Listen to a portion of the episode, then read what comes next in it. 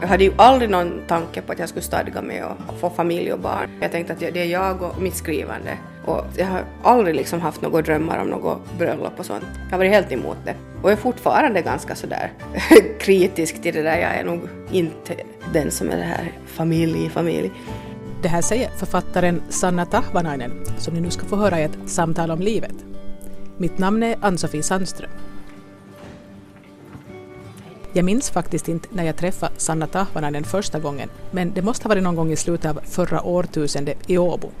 Då var Sanna en ung litteraturstuderande och poet med rakat hår och feministiska idéer. Jag vet i alla fall att jag våren 1998 gjorde radioprogrammet Gänget med Sanna och tre andra Åbo-feminister. Den gången talades det bland annat om häxor, utseende, våld och snällhet. Sen försvann Sanna så småningom till Åland och jag har ingen minne av att jag skulle ha träffat henne sådär på riktigt förrän hon plötsligt dök upp på en litterär afton i Nykarleby i slutet av november förra året tillsammans med en grupp andra författare. Då fick jag veta att Sanna Tahvanainen inte längre bor på Åland utan i Helsingfors. Jag hade redan tidigare funderat på att göra ett samtal om livet med Sanna men det hade aldrig blivit av eftersom jag inte hade haft något ärende till Åland. Nu kom vi överens om att försöka träffas några veckor senare när jag skulle besöka huvudstaden. När jag ringde för att fråga hur jag bäst skulle ta mig från hotellet i centrum till hennes adress i Tölö så visade det sig att Sanna just då befann sig i samma kvarter. Hej! Var du på passligt ställe och Ja. Ja, det. Hej! Ja, det var lite på tre veckor sedan. Ja, Det blev inget dagsljus idag, har du också? nej det är faktiskt det är som att någon har släckt lampan Ja, nu. ja. Sanna föreslår en promenad till Tölö istället för att ta spårvagn och det har jag ingenting emot. Det här är Fredriksdalsgatan. Den är här i Backenborg. Det tog det vara tomt hemma. Passade så hemskt bra för Stella hade något på stan och, så bad jag Kjell att han skulle kunna hålla sig borta. Droppar någon in så får de komma och joina. Ja. Det doftar sådär som det brukar dofta i äldre hus i Helsingfors.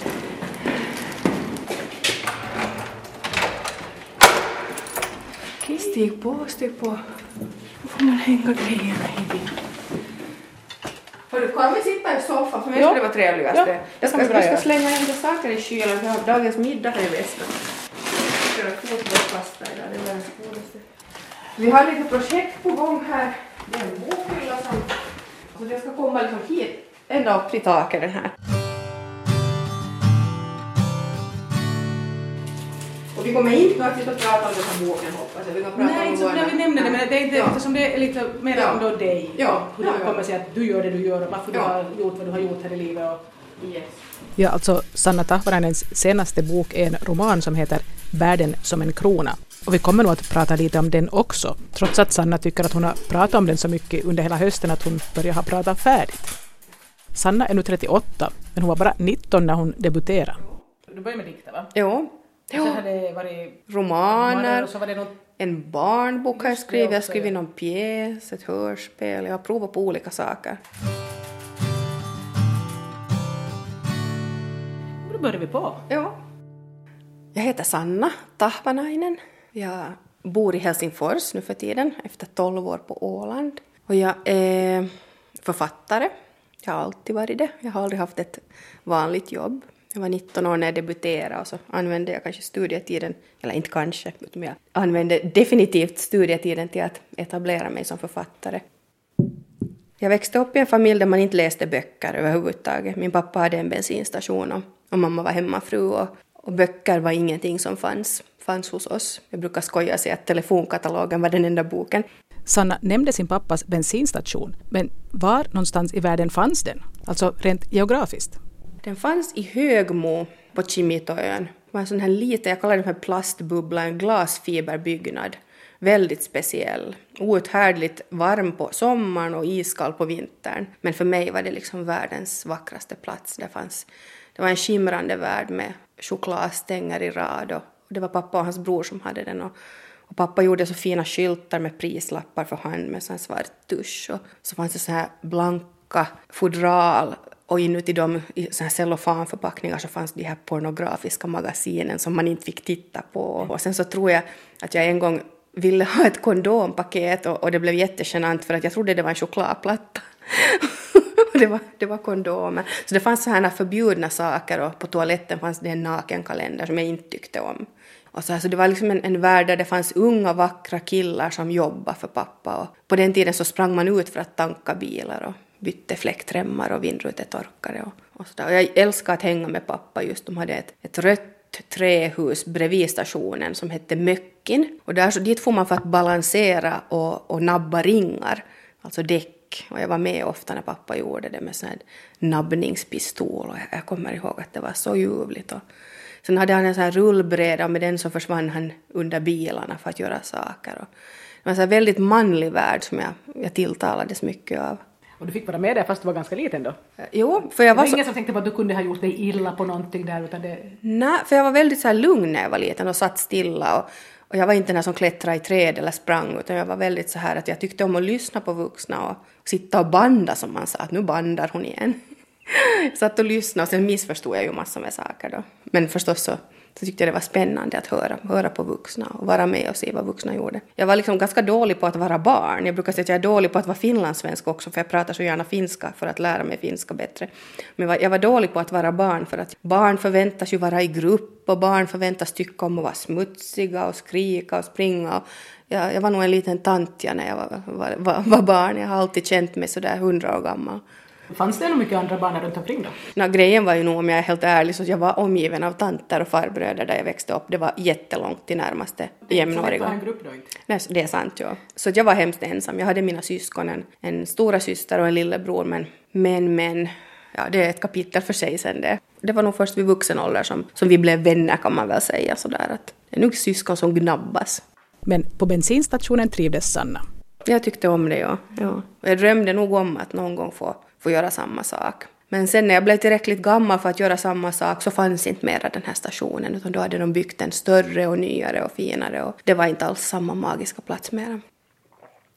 Jag förstod sen när jag blev äldre att jag har nog aldrig egentligen tänkt så här att på riktigt om jag skulle ha de färdigheterna och, och så här den, den läggningen. För, för sen så insåg jag när jag tog körkort att jag aldrig tankat en bil i mitt liv och har vuxit upp på en bensinstation. Jag visste inte hur man gjorde alltså. Så jag har stått och tittat men jag har aldrig gjort själv någonting av det där. Så jag, jag har nog inte de här färdigheterna men jag kanske vet en del om bilar och, och bilmärken att, som jag har liksom plockat upp sådär för att få stilpoäng av pappa.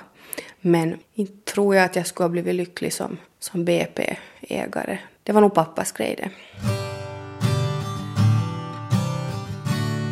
Sanna Tahvanainen sa här tidigare att hon växte upp i ett hem där det inte fanns speciellt många böcker. Men på något sätt så lärde jag mig som fyraåring att läsa själv. Du kom på det helt på egen hand? Ja, ingen vet hur det har gått till. Det var när jag var med pappa och vi körde med paketbilen till partibutiken någonstans. Så berättade jag för honom vad det står på skyltarna och först så tänker han ju inte alls på att, att det är något speciellt med det förrän han tvärstannar och märker att ungen kan ju läsa. Och det var dessutom på finska det jag sa, liksom så att, att jag måste ju ha kunnat rätt så bra eftersom jag kunde säga att, att där står ju Koskisen kulma var det ja. Det var, där står ju Koskisen kulma pappa och han var bara jo men förstås står det där. Så Wait a minute, hon läser ju. För det, det fanns inte en chans att jag skulle ha känt till det annars. Så att de var nog hemskt förvånade mina föräldrar. Men vad läste Sanna då när hon var liten? Det som folk kallar för dålig litteratur har jag framförallt läst. Och jag tiggde mig ofta på jobb med pappa till hans BP-station. Och där fanns det ju sådana här så kallade tantsnuskböcker, alltså det fanns stora lådor med Allers vita läkarserie, ni vet de här när sköterskan träffar en äldre läkare och ljuv musik uppstår. Och så fanns det också någonting som heter mysrysare. Så sådana här gissar jag att jag började läsa, för pappa tyckte nog att det var ganska jobbigt att ha ett barn med där som hängde i, i byxorna på honom, så han, han sa att, men att du som, som tycker om att sitta stilla, för det har jag alltid tyckt om, så ta här en, en låda med böcker. Och jag har också liksom en, en ganska stor respekt för, för dålig litteratur eftersom det var de, de enda böckerna som fanns när jag var barn. Så att det var en sån här konstig värld som, som öppnade sig via de där Harlequin-böckerna. Eftersom Sanna lärde sig läsa som fyraåring så frågade jag henne ifall det inte var hemskt tråkigt sen när hon då väl började skolan. Det var jättetråkigt. Det var så här att... Och jag minns att jag skulle ha fått hoppa över en klass men jag kunde inte säga ske-ljuden rätt. jag kunde inte säga skillnaden mellan Ked och sked. Jag har, svår, jag har jättesvårt fortfarande. Och då så tyckte de att nej, då får jag inte hoppa över en klass för jag kan inte se det. Men jag har ju gjort hemskt mycket annat medan jag har gått i skola. Jag har ju suttit med mina egna funderingar och fantasier och ja, jag är ganska bra på att så här, underhålla mig själv med enkla medel. Det var nog som ett så här ljus. Jag har alltid varit ganska rädd för läraren och ganska så här, duktig flicka som vill prestera. sån som vill ha möjligast höga betyg och, och rädd att det ska misslyckas och så här. Hur fick du det då? Jag trodde ju att jag haft så här jättehöga betyg för i och med att jag lärde mig läsa som fyraåring och så här. Men sen så såg jag mitt betyg häromdagen och jag blev jättebesviken. Det var nog ett väldigt vanligt betyg. Medeltalet låg där kring åtta, att inte det nu så exceptionellt högt. Svenska hade jag nog nio i och så här, men, men inte, var det något, inte var det något så här kärnbetyg. Inte. Jättelågt i gymnastik hade jag. Men du sa att du bara ville sitta stilla, vad skulle man få bra betyg i gymnastik då? Nej, jag var en katastrof. Och dessutom är jag dålig på att samarbeta i grupp och, och rädd för bollar. Så nej, gymnastik är inte min grej alls. Så jag har ju drömjobbet nu. Jag promenerar i och för sig, det älskar jag, men i maklig takt. Jag promenerar väldigt långsamt så att jag tycker om så här långsamma saker. Jag har så mycket som går snabbt inuti mig. Sådana tankar och känslor så jag behöver yoga och promenader passar mig.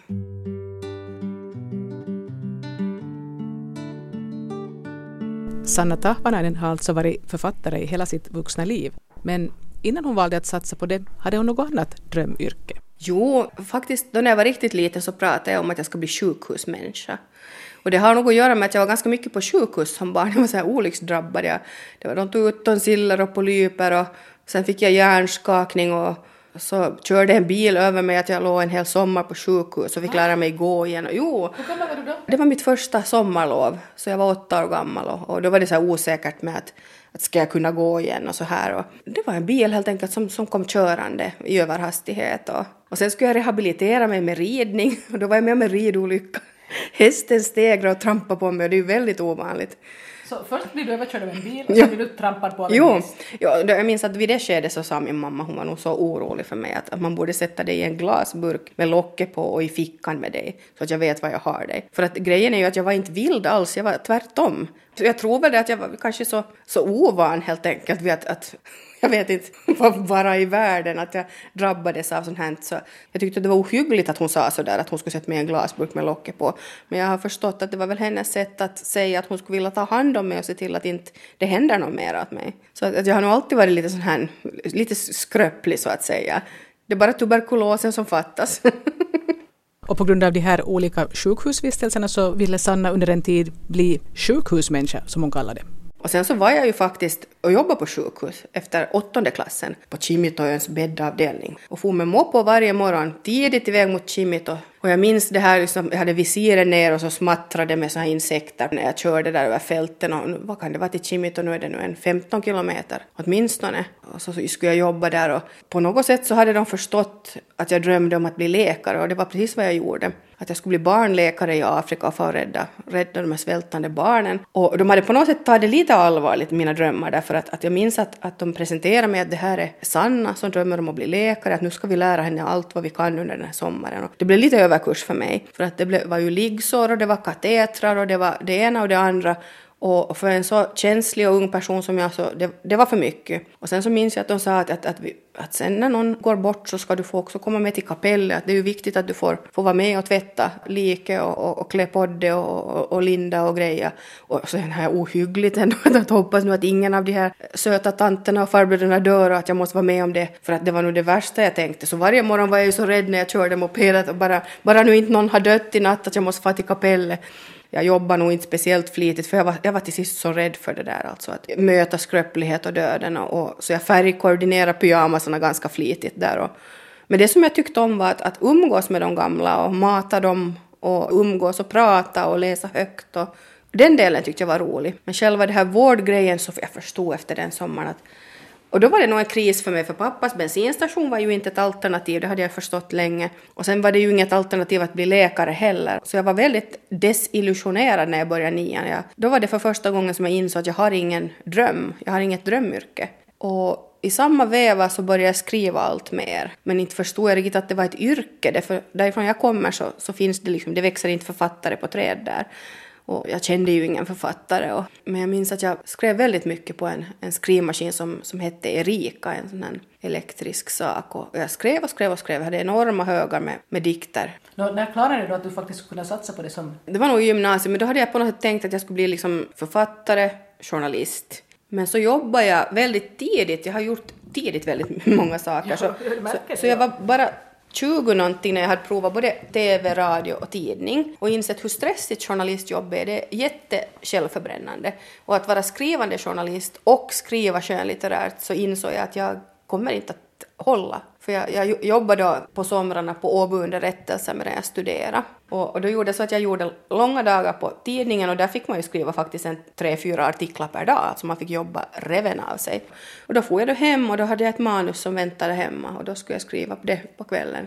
Och jag var nog så trött, jag minns hur trött jag var. Och då var jag ändå singel och hade inte familj att tänka på utan bodde i en etta och var lös och ledig. Och det var nog tufft och då insåg jag att jag kommer att få svårt att orka jobba med journalistik och sen skriva vid, vid sidan om. Och jag gav ju ut flera böcker medan jag studerade och sen när jag var klar med studierna vid Åbo Akademi, jag läste litteratur där och sen när jag var klar därifrån så kunde jag liksom inte, ja, det är väl lögn att säga att man kan försörja sig som författare men jag menar, det går ju på minus men, men så att jag klarar mig på något sätt och, sen dess har jag nu liksom levt skrivande. Och det, det, är nog hemskt spännande och det är jättenervöst och det är mycket att vänta på att kommer man att få stipendier eller blir det katastrof i år och när vågar man renovera köket och det finns ju ingen säkerhet i någonting, det är ju som en gungfly. Och inte vet man ju någonsin, kan jag skriva och är det här bra och, och vad är mottagande? Så det är ju väldigt nervöst och det passar mig hemskt dåligt på det sättet för jag är ju trygghetsnarkoman.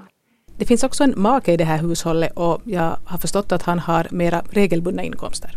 I perioder så är han ju tvungen att försörja mig också och det går ju sådär med en lärarlön men han är en generös människa som förstår att, att jag, oftast förstår han att jag behöver få göra det jag gör också på bekostnad av att, att han då får, får finansiera verksamheten ibland. Han har inte krävt att du ska ut och ta något jobb liksom att gå? No, nu har han föreslagit att jag skulle kunna sitta i någon butikskassa någon gång, men han ser också att det här jobbet tar så hemskt mycket med att jag inte riktigt skulle räcka till. Att det är nog ett heltidsjobb att skriva böcker. Och jag har ju skrivit ganska många, jag har skrivit tio stycken. Så att jag, jag är ju inte direkt, eller jag är ju en väldigt lat människa, men jag är ju inte speciellt lat som författare då, uppenbarligen. Inte, inte förstår jag ju själv att jag har skrivit de där böckerna.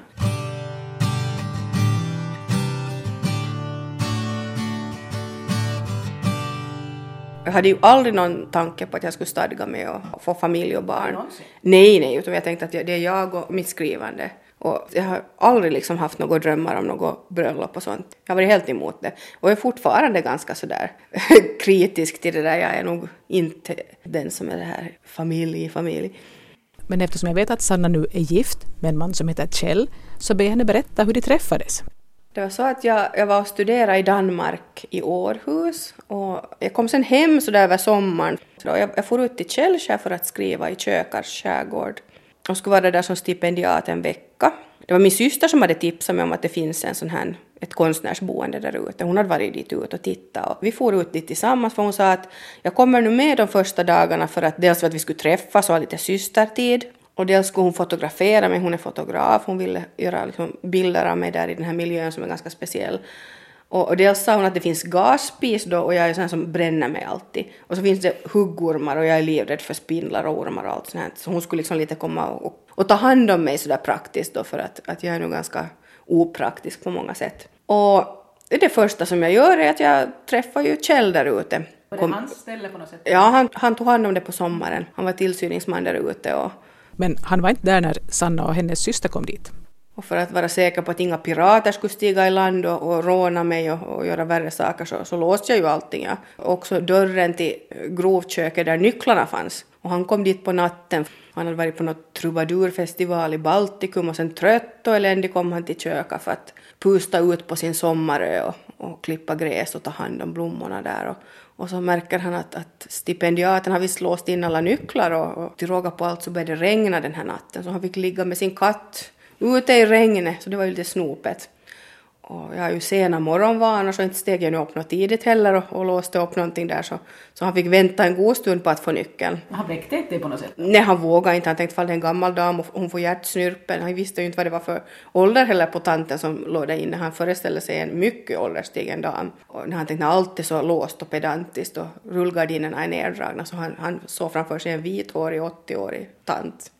Och så var det jag då, 24 bast. Och då, den morgonen träffades vi. Jag satt på utanför stugan och klippte mina naglar för jag insåg att jag är tvungen att göra praktiskt arbete under den här veckan i skären och lika bra att jag klipper de där naglarna och tar bort nagellacket och jag hade på mig pyjamas och så minns jag att jag såg en man som, jag trodde att han speglade sig men han påstår att han tittade in genom grovköksfönstret på nyckelskåpet som var inlåst där. Och nu när jag känner honom så vet jag att han tittar nog efter nycklarna. Och så frågade han om jag kommer med och fiskar och jag sa att jo, att jag fiskar mycket med min pappa när jag var barn, att, att förstås kommer jag med. Och att jag har ju aldrig lagt något nät, jag var ju liten då när jag fiskade med pappa så han gjorde ju allt. Och så trasslade jag ju så till Kjells nät, jag bara slängde i allting. Jag förstod inte att man skulle lägga dem så här och han bara gapade men han sa ingenting. Och efteråt så förstod jag ju att han skulle lika gärna kunna ha doppat mig i sjön alltså för han, han måste ju ha blivit riktigt ledsen och arg. Men han tänkte att oj, oj, en sån här dam så trasslade jag in hans nät och så, så sa han att nu är du nog tvungen att reda upp dem med mig också. Så vi fick stå och reda dem, ja, det tog nog en hel dag åtminstone före vi fick reda på näten och, och vi lärde känna varandra på bryggan ute på Källskär medan vi redde näten och han flyttade ner spikarna som näten hängde på för att jag är så mycket kortare. Och det var det första han gjorde för mig sådär, jag kommer aldrig att glömma det, att han justerade spikarna. Vi blev vänner under den här veckan. Min syster packade ihop och blev ganska ilsken på mig för hon tyckte att jag prioriterade fel när jag inte, inte umgicks med henne. Ah, du har bara ögon för honom. Och jag var så att men vi är ju bara vänner. För att det var, det var vänskap den sommaren. Och, och i och med att hon stack därifrån så var det ju bara han och jag och vi umgicks varje dag. Och, och sen ett år senare så bjöd han mig tillbaka dit och då hade jag flyttat tillbaka till Finland. Jag bodde i Åbo. Jag hade lånat en bok av honom och sen bad jag om att få hans hemadress för att kunna returnera den. Och ett halvår efter att jag hade lämnat honom första gången så returnerade jag boken och så skrev jag att nu är jag tillbaka i Åbo, att jag bor vid Trätorget. Och på något sätt gjorde jag klart i det brevet att jag är singel och på alla sätt tillgänglig utan att nu skylta för mycket. Och men jag hörde inte sen av honom förrän ett halvår senare när han skickade ett brev åt mig och bjöd mig ut till Källskär. Och så sa jag att men nu kan jag komma över en helg. Men jag blev där sen två veckor hade med mig två par trosor så jag fick byka varannan dag. Det finns ingen rinnande vatten och för att inte tala om varmvatten där ute och ingen el heller så det var primitivt men det var roligt. Och då började för mig ett helt nytt liv, alltså ett liv tillsammans med en man som är helt annorlunda än vad jag är. Som har helt andra intressen och också är från en annan generation kan man säga. Ändå så pass mycket äldre än vad jag är. Men alltså var det här ditt första seriösa förhållande då? Ja, faktiskt. Han hade heller aldrig bott tillsammans med någon det var, det var helt märkligt alltså. Det var så nära på att vi inte skulle för det första någonsin ha träffats för det var, det var ju lustigt att jag flöt i land där på hans ö. Och sen att vi liksom inte träffades på ett helt år. Så att när vi sen träffades igen och blev tillsammans så bestämde vi att, att vi vill ha barn tillsammans och, och att det är vi. För att båda två hade känt samma sak, att det var så nära att vi skulle ha gått miste om varandra. Så att plötsligt så, så får vi en dotter och Stella föddes 2002 och hon är snart 12 år. Och för mig så var liksom den här tanken på att få barn så har det nog inte funnits där. Den kom ju med, med Kjell. Han skulle jättegärna vilja haft många barn men han förstod å andra sidan min, min rädsla för dels för förlossning och alla känslor som jag, har, som jag tycker är ganska jobbiga kring det här med familj. Och, så att, att han, han förstod nog ganska snabbt att jag kanske är den här enbarnsmamman då. Men för mig är det så här när folk säger att har ni bara ett barn så brukar jag säga men vi har ett barn. Det är ett barn mer än vad jag någonsin hade planerat. För mig är det mycket att ha ett barn. Men i något skede så kunde Sanna ändå ha tänkt sig ett barn till. Vi gifte oss när Stella var fyra år. På något sätt fick jag sån panik efter giftermålet att jag vill ha ett barn. Men jag tror att det mer handlar om att man brukar få barn efter att man gift sig. För sen så ångrar jag mig, så var jag herregud tur att vi inte fick ett barn, vet du, tur att jag inte blev gravid, för då skulle jag inte vilja haft det mera. För jag ångrar mig sen efteråt, men jösses. Och då så sa min man, jag visste nog hela tiden att det bara var någon sån här babyfeber du fick som skulle gå över. En sån här nyck att det här med att ha flera barn så... Nej, för då är vi numerärt, inte underläge, men, men då skulle vi ha, om vi ska ha två barn så skulle vi ha två barn och två vuxna och då skulle vi leva ett sånt här barnliv tror jag. Men nu när vi är två vuxna och har ett barn så lever vi ett vuxenliv med ett barn alltså. Då blir det så att hon får hänga med på våra grejer och visst gör vi ju, men vi, vi skulle aldrig vara till Legoland, aldrig någonsin att jag sätter min fot där. Nej, och inte något sånt som familjer far på sådana helt barnorienterade grejer. Alltså ja, för mig så skrikande barn i stora hopar är ingen semestergrej för mig. Så Stella släpar vi nu med till storstäder och på museer och hon får nu sitta i museishoppar och på kaféer sen medan vi tittar. Och, så hon får, vi lever nu det liv som vi tycker om och vi har liksom inte anpassat oss så där sjukt mycket till att ha barn. att förstås, jag menar, inte struntar vi ju i vårt barn, men, men vi är nu hemskt måna om att, att vi, vi lever ett liv och vi tror nog att hon hänger med på det mesta. Så att, och många har sagt men att nu är det nu hemskt att ni inte skaffar ett syskon åt henne. Men herregud, att skaffa barn bara för att hon ska få syskon som hon sen slåss med kanske. Jag menar, inte, inte kan man ju tänka så. Så att nej, men vi har varit hemskt öppen med Stella. Hon, hon vet liksom om att hon kom till för att, för att jag träffade Kjell och att, att jag kände att jag faktiskt ville ha barn. Men då bara ett barn. Bara ett barn.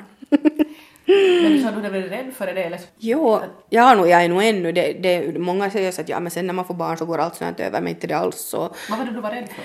Allt egentligen, men framför allt förlossningar så är jag, är jag jätterädd för. Så jag, det som äckligaste jag vet är när damer börjar sitta och berätta om sina förlossningar. Jag, kan, jag måste gå ut, alltså jag är så rädd för allt sånt. Så Stella föddes med ett planerat kejsarsnitt och jag såg inget blod överhuvudtaget och det var, de var så snälla med mig. Jag var så i panik. Det är som att jag, jag slutar fungera när jag går in på ett sjukhus. Jag, jag är rädd för både blodprov och jag är jättekänslig också när jag ser på filmer där det finns blod och vapen och sånt. Jag kan inte...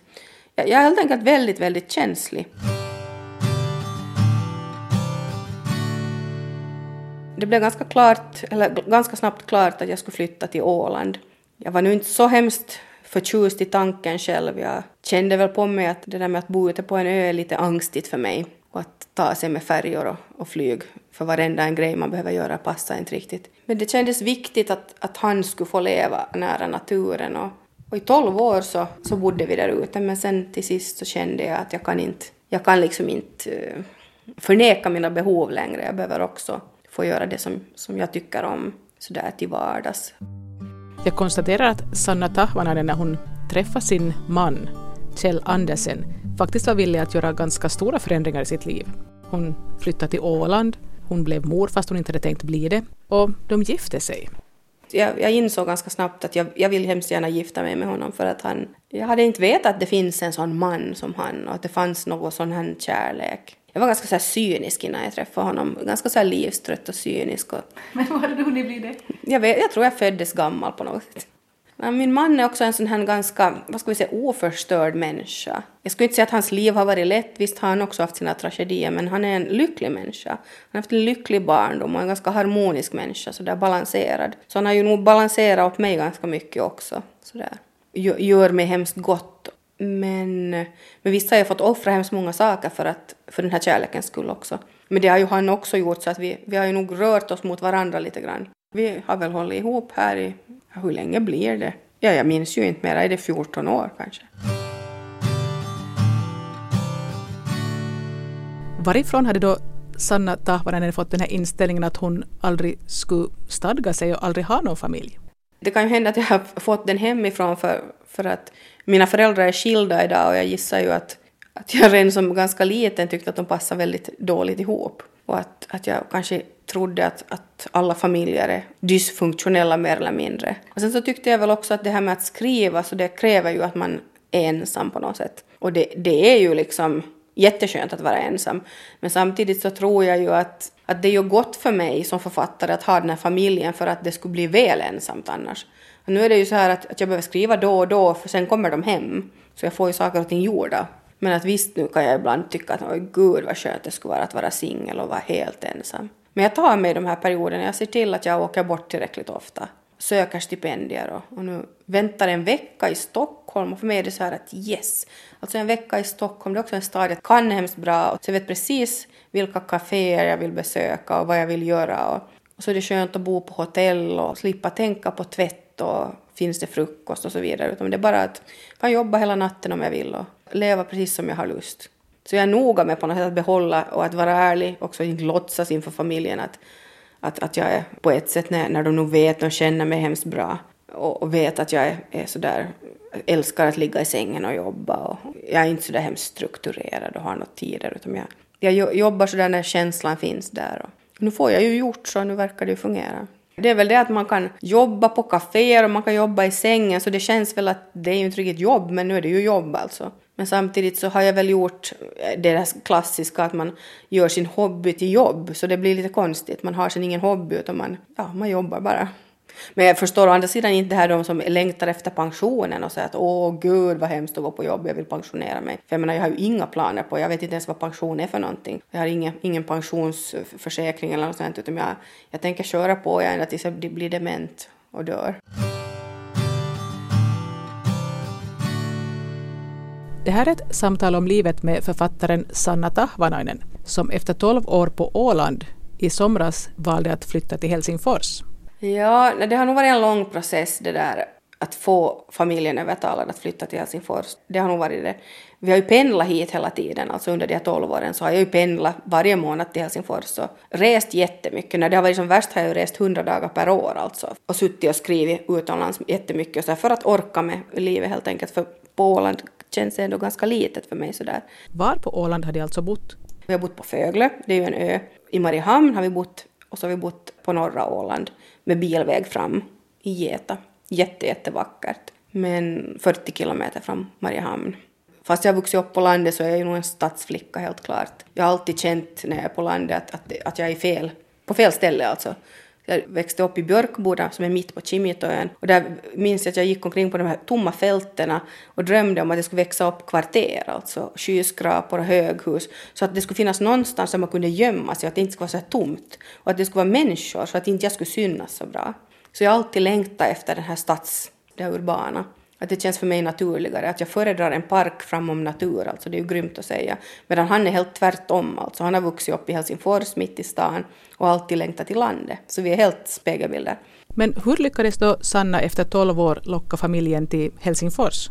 Skulle Stella ha trivts 100 procent så skulle det ha varit svårt. Men hon trivdes inte så jättebra på landet. Det var långa avstånd. Och sen började jag tänka på hur hennes liv också ser ut. Att det är en massa skjutsande fram och tillbaka bara. Att avstånden växer bara. Sen ska hon hålla på att pendla fram och tillbaka. Och kanske flytta hemifrån som 16-åring för att gå gymnasiet och för att det är bekvämare då att bo i Mariehamn.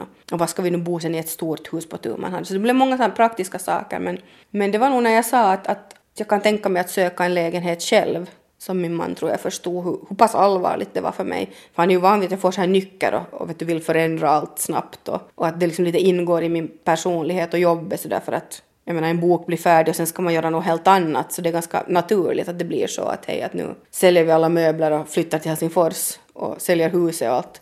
Fast man just har pratat om att de där gravplatserna ska vi ha och här ska vi bo för evigt. Så jag är lite så att, att nu var det ju hemskt för mig vet du, när vi hade hittat vårt drömhus och jag visste att han älskar att bo där. Det var, det var en fruktansvärd, jag kämpade nog hemskt länge med mig själv. Och jag var nästan säker på att jag skulle förlora honom, alltså att han skulle välja att stanna kvar. Så det var, det var ett jättesvårt beslut, men jag tänkte att är det så att han då hellre stannar kvar så, så är det så. Att du var villig att ta den risken? Ja, men då så sa jag att då vill jag nog inte helst träffa dig så mycket mer för att det skulle kännas jättesmärtsamt. Men, men det var hemskt alltså, jag var jättelänge osäker på att kommer han att komma. Och ännu när vi, for, när vi flyttade den sista juli så var det Stella och jag som for med, med vår bil över med färjan. Och Kjell kom med följande färja på natten med stora flyttbilen. Då var jag fortfarande inte säker att kommer han att komma. Och då skulle vi då underteckna köpebrevet på, på lägenheten här i Helsingfors följande morgon. Så jag satt ensam på banken och väntade att kommer han månne från färjan nu? Eller har han, har han fått kalla fötter och blivit där? Nej, jag var nog, han är en ordentlig man och hedersman så det var inte, inte det, men jag vet hur mycket Åland betyder för honom. Han har bott där över 30 år och, och naturen där, speciellt i Geta uppe i norra Åland, eh, det är hans liksom livsluft.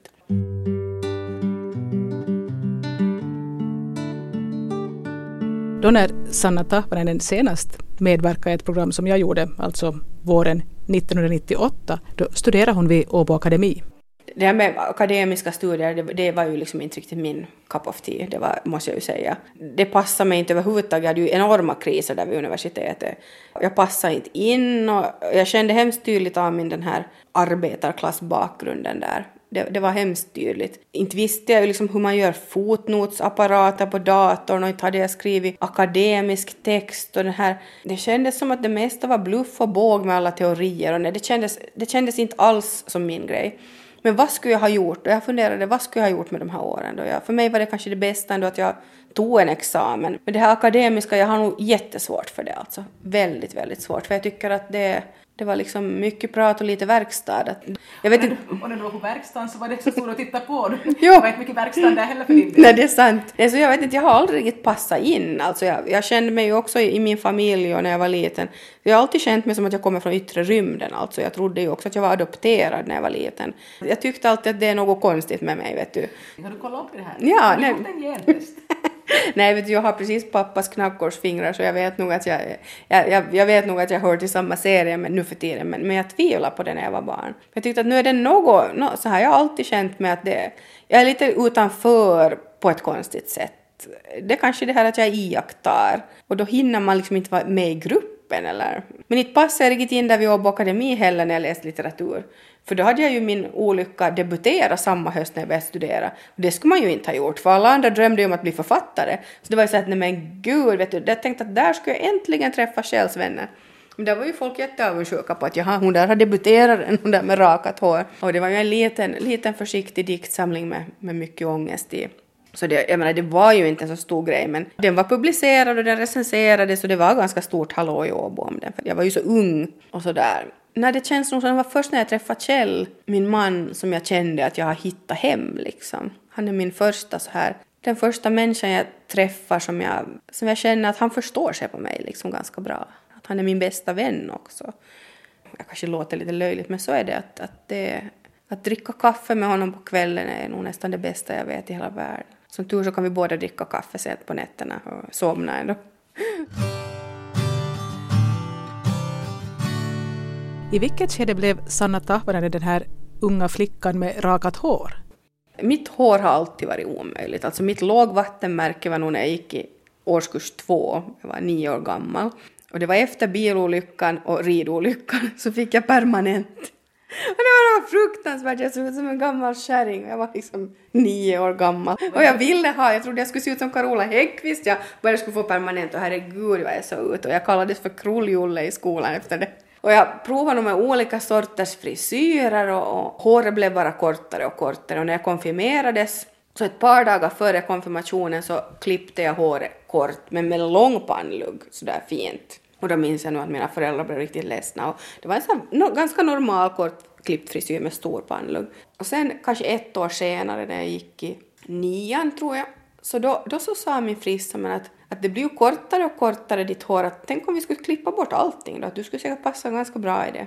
Att det här med hår är ju inte riktigt din grej. För att jag var alltid missnöjd med det håret. fick jag ju det någonstans och jag har ganska sådär tunt och stripigt hår. Och så sa man att, ja men det har jag inte ens tänkt på. Att vi kör. Hon visste ju att jag var ganska modig med utseendet, att jag, jag vågar ganska bra ändra på saker. Och, och så klippte hon det och herregud vilket liv det blev dels så var det ju liksom i skolan var det ju så här att men herregud alltså, hur vågar hon göra så här och hur vill hon göra så där ens? Och min pappa blev helt förkrossad för han hade ju flätat håret på mig när jag var liten och jag var ju hans lilla Sanna och mamma tror jag förstod det lite bättre, hon förstod liksom att att det här är nu bara en frisyr. Att för mig handlar det inte om någon ideologi eller något sånt. Utan det handlar helt enkelt om att jag inte passar så bra med hår. Jag ser ju fruktansvärd ut med hår. Jag lät det nog växa ut på skoj ett par gånger. Jag hade en sommar när jag var blondin bland annat och hade pagehår och hade så roligt. Men ingen människa trodde ju att jag var författare. Så jag rakade nu bort det där håret igen. Och sen fanns det en period när jag ville se ut som Pocahontas. Jag såg framför mig att ha mitt ben och långt blankt svart hår. Så jag färgade håret svart och lät det växa ut. Innan jag förstod att jag måste färgade och färgade och färgade för jag menar det kommer ju annars att synas den här, den här randen här uppe när det växer ut. Och då tänkte jag, mitt vill jag nu färga håret hela tiden, det är ju så jobbigt. Och då så sa jag, äh, raka bort allt igen. Så att jag har nu rakat det och ja, det har ju väckt jättemycket känslor, men för mig handlar det alltså inte alls om något sånt att jag skulle vara religiös eller lesbisk eller att jag skulle vara elitsimmare eller folk har ju haft de mest olika teorier. Ja. Jo, jo, att jag, det är politik, att jag är nazist eller att jag är sjuk, att jag har någon form av leukemi eller liknande. De mest skiftande teorierna har, har det funnits om, om, om det här med att jag har haft rakat hår. Men det handlar bara om att jag inte passar med hår. Och för något år sedan, här, för, vad ska det vara, fyra år sedan så tänkte jag att ja, men nu vill jag se hur jag ser ut när håret växer ut. Det kändes viktigt för mig att kolla det. Och då odlade jag tipagehår, så här jämlångt precis med luggen. Men det kändes ju som att ha peruk och jag kände mig ju inte som jag. Så nu har jag klippt det lite kortare och lite kortare och nu har jag kort hår. Jag, jag har inte rakat hår nu men jag har det liksom så här väldigt kort och trivs hemskt bra med att ha det så här kort. Det känns som att det där rakade håret det hör till min ungdom kanske. Kanske någon gång när jag blir vild 90-åring så har jag rakat hår igen men, men jag känner liksom att jag vill vara mer så här inkognito nu. Det där rakade håret ger så mycket så här reaktioner och väcker så mycket känslor. Jag orkar inte ta emot dem mera. Jag vill hellre sitta och iaktta folk och smälta in och att jag tycker inte om att bli igenkänd. Jag vill hellre kunna sitta och tjuvlyssna på folk. Men i övrigt så trivdes Sanna bra med rakat hår. Men det är så himla skönt, alltså du ska prova själv. Alltså det är så skönt när man känner vinden, alltså det, på vintern är det kallt men på, på våren och sommaren det är så lätt runt huvudet alltså. Och det, man behöver ingenting göra. Och det, för mig var det också så det var billigt och det var bra. Jag skaffade en egen apparat så sen varannan vecka så rakade jag håret och kostar ju ingenting bara att skaffa den här apparaten och ingen styling, man kunde tvätta håret med precis vilket medel som helst. Jätteskönt. Men nu nu har jag nog insett att kort hår är min grej men, men det behöver liksom inte vara helt kort. Det är lättare så här. Och ändå känner jag mig som mig själv nu.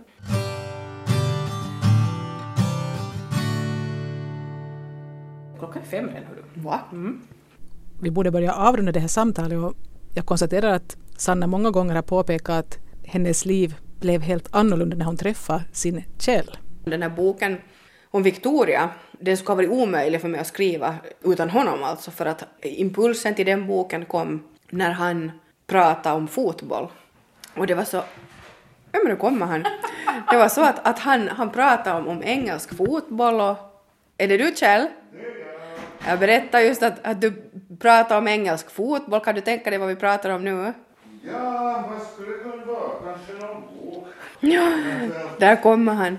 Hej. Ja, men ni har inte träffats? Det är Ann-Sofie Sandström, Kjell. Hej. Men minns du Kjell hur det gick till? Där du, varför pratade du om, om Crystal Palace? Svårt att säga, det finns väl ingen som ska prata om. Ah, no. Nåja, men han, han pratade åtminstone, det var någon, någon match. Och så nämnde han fotbollslaget Crystal Palace. Och, och, för mig var det så här att den värld som han levde var ganska obegriplig. För att, att fotboll och fåglar och historia, det är liksom inte riktigt mina grejer. Mina grejer är mer sådär böcker böcker och glassiga tidningar, damtidningar och kaféer och sovmorgnar och lyxfrukost och sådär. Så vi har väldigt olika världar. Och då försöker man ju när man hör någon prata om någonting som man inte alls behärskar hitta någonting som man förstår sig på. Så när han sa det här Crystal Palace så var det ju så Kristallpalatset, det måste ju heta så på svenska. Så frågade jag, mig vad är det för någonting? Ett fotbollslag som har ett så vackert, skimrande, poetiskt namn. Och så sa han jo att det är efter Kristallpalatset som byggdes inför världsutställningen 1851 i London. Mera så berättade han inte. Så jag menar, säg nu lite till. Nej, sa han sådär helt ointresserat. Han är ju inte så hemskt imponerad av Crystal Palace som fotbollslag, som du kanske förstår. Det är Leeds han håller på.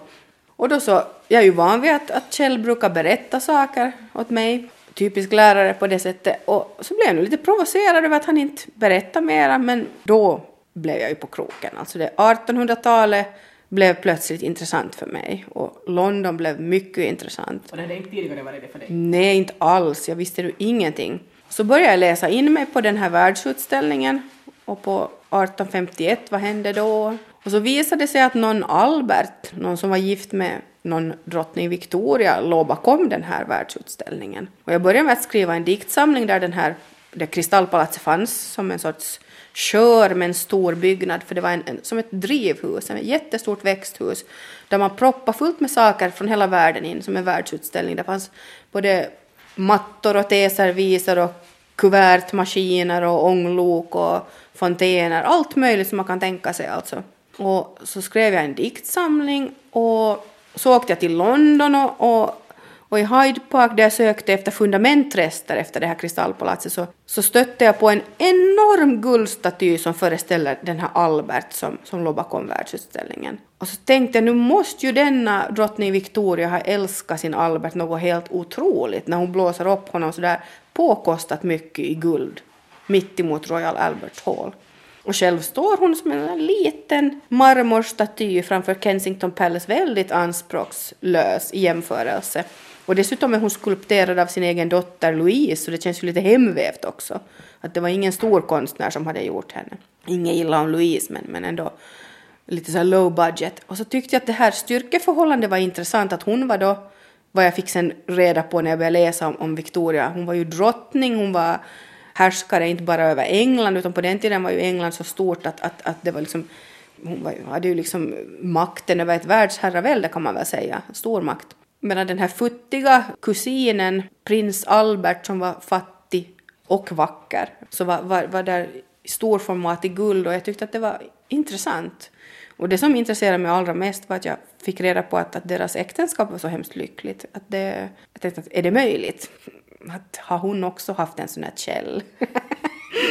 och så tänkte jag att jag, det här behöver jag ta reda på för att kärlek intresserar mig hemskt mycket och relationer och vad finns egentligen, hur ruttet är det egentligen där? Hur ser fundamentet ut på riktigt? För folk har ju sina fasader. Och på den vägen är det alltså. Det börjar med att Kjell pratar om fotboll och det skimrar till ett kristallpalats. Jag började skriva dikter om det. Och så småningom insåg jag att, att jag är så intresserad och insyltad i Victoria och Albert att jag behöver skriva en bok om det här. Och jag är så lat så för mig, jag drog mig ju länge för att börja skriva för att det ju, kräver ju mycket research för att man ska veta alls hur man ska tänka och hur man ska göra när det handlar om en epok som är ändå så pass långt tillbaka i tiden. Och jag har ingen historisk sån här botten att vila på. Jag var tvungen att börja från scratch. Jag menar så mycket förstod jag att de inte hade bykmaskin och mobiltelefon på den tiden men, men jag var tvungen att ta reda på det mesta. Var det Oj, roligt? det var jätteroligt. Det är det roligaste jag har gjort som författare. I tre år höll jag på.